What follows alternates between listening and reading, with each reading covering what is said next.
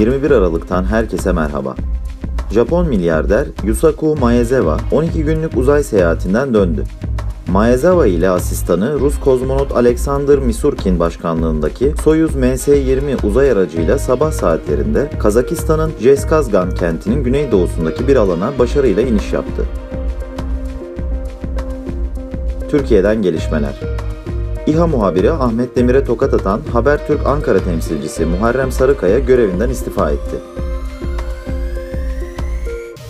Cumhurbaşkanı Tayyip Erdoğan, Hazine ve Maliye Bakanı Nurettin Nebati ve Çalışma ve Sosyal Güvenlik Bakanı Vedat Bilgin ile görüştü. Görüşmede asgari vergi muafiyetinin genişletilmesi konusu ele alındı. Cumhurbaşkanlığı kabinesi, Cumhurbaşkanı Recep Tayyip Erdoğan başkanlığında toplandı. Toplantının gündem maddelerinden biri memur ve emekli maaşlarında yapılacak artıştı. İzmir valisi Yavuz Selim Köşker, kentte omikron varyantına yakalanan 5 kişinin tedavisinin tamamlandığını ve hastalığı hafif semptomlarla atlattıklarını açıkladı. Cumhurbaşkanı Erdoğan, Türkiye ekonomisi bugüne kadar olduğu gibi bundan sonra da serbest piyasa ekonomisi kurallarına uygun şekilde yoluna devam edecektir dedi. Dolmabahçe Sarayı'nda düzenlenen 2021 İlim Yayma Akademi Ödülleri törenine katılan Recep Tayyip Erdoğan, daha sonra Cumhurbaşkanlığına seçilmesinin ardından döviz rezervinde yaşanan düşüşe ilişkin yoktum, Cumhurbaşkanıydım dedi. Dolar günün ilk saatlerinde tekrar 17 liranın üzerine çıkarak 17,62 seviyelerine kadar yükselmişti. Gün içinde yükselişine devam eden dolar rekorunu 17,74'e taşıdı. Dolar geçtiğimiz hafta Cuma günü 17,14'te rekor kırmış. Merkez Bankası'ndan gelen müdahale sonrasında ise 16,25'lere kadar çekildikten sonra haftayı 16,41 seviyesine tamamlamıştı. Dünyadan gelişmeler. Şili'de düzenlenen ikinci tur devlet başkanlığı seçimini kazanan 35 yaşındaki solcu aday Gabriel Boric, ülkede seçilen en genç devlet başkanı oldu. Şili seçim servisi verilerine göre sandıkların %99,9'u açıldı ve itibarı destekliyorum ittifakının adayı sol görüşlü Gabriel Boric %55,87, Cumhuriyetçi Parti'nin sağ görüşlü adayı Jose Antonio Cast ise %44,13 oy aldı.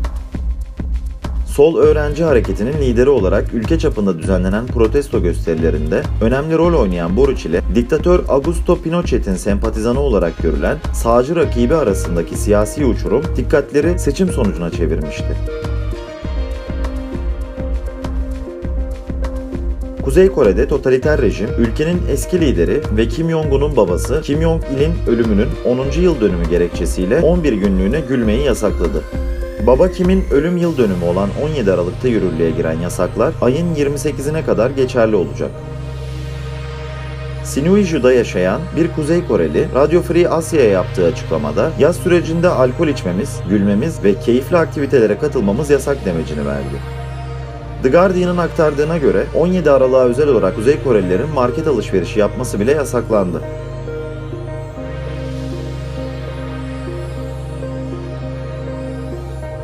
ABD Çin yönetiminin Uygurlara ve Müslümanlara yönelik hak ihlallerini gerekçe göstererek yaptırımlarını genişletirken ABD Ticaret ve Maliye Bakanlıkları 37 şirketi daha kara listesine aldığını duyurdu.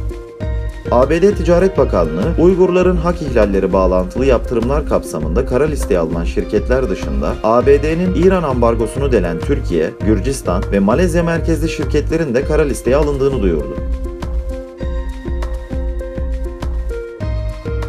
Yeni Zelanda'da yetkililer ilk dozunu olduktan sonra hayatını kaybeden bir adamın ölümünü Pfizer-BioNTech aşısıyla ilişkilendirdiklerini duyurdu. 26 yaşındaki adamın miyokardit olarak bilinen kalp kası iltihabı yaşadığı belirtildi.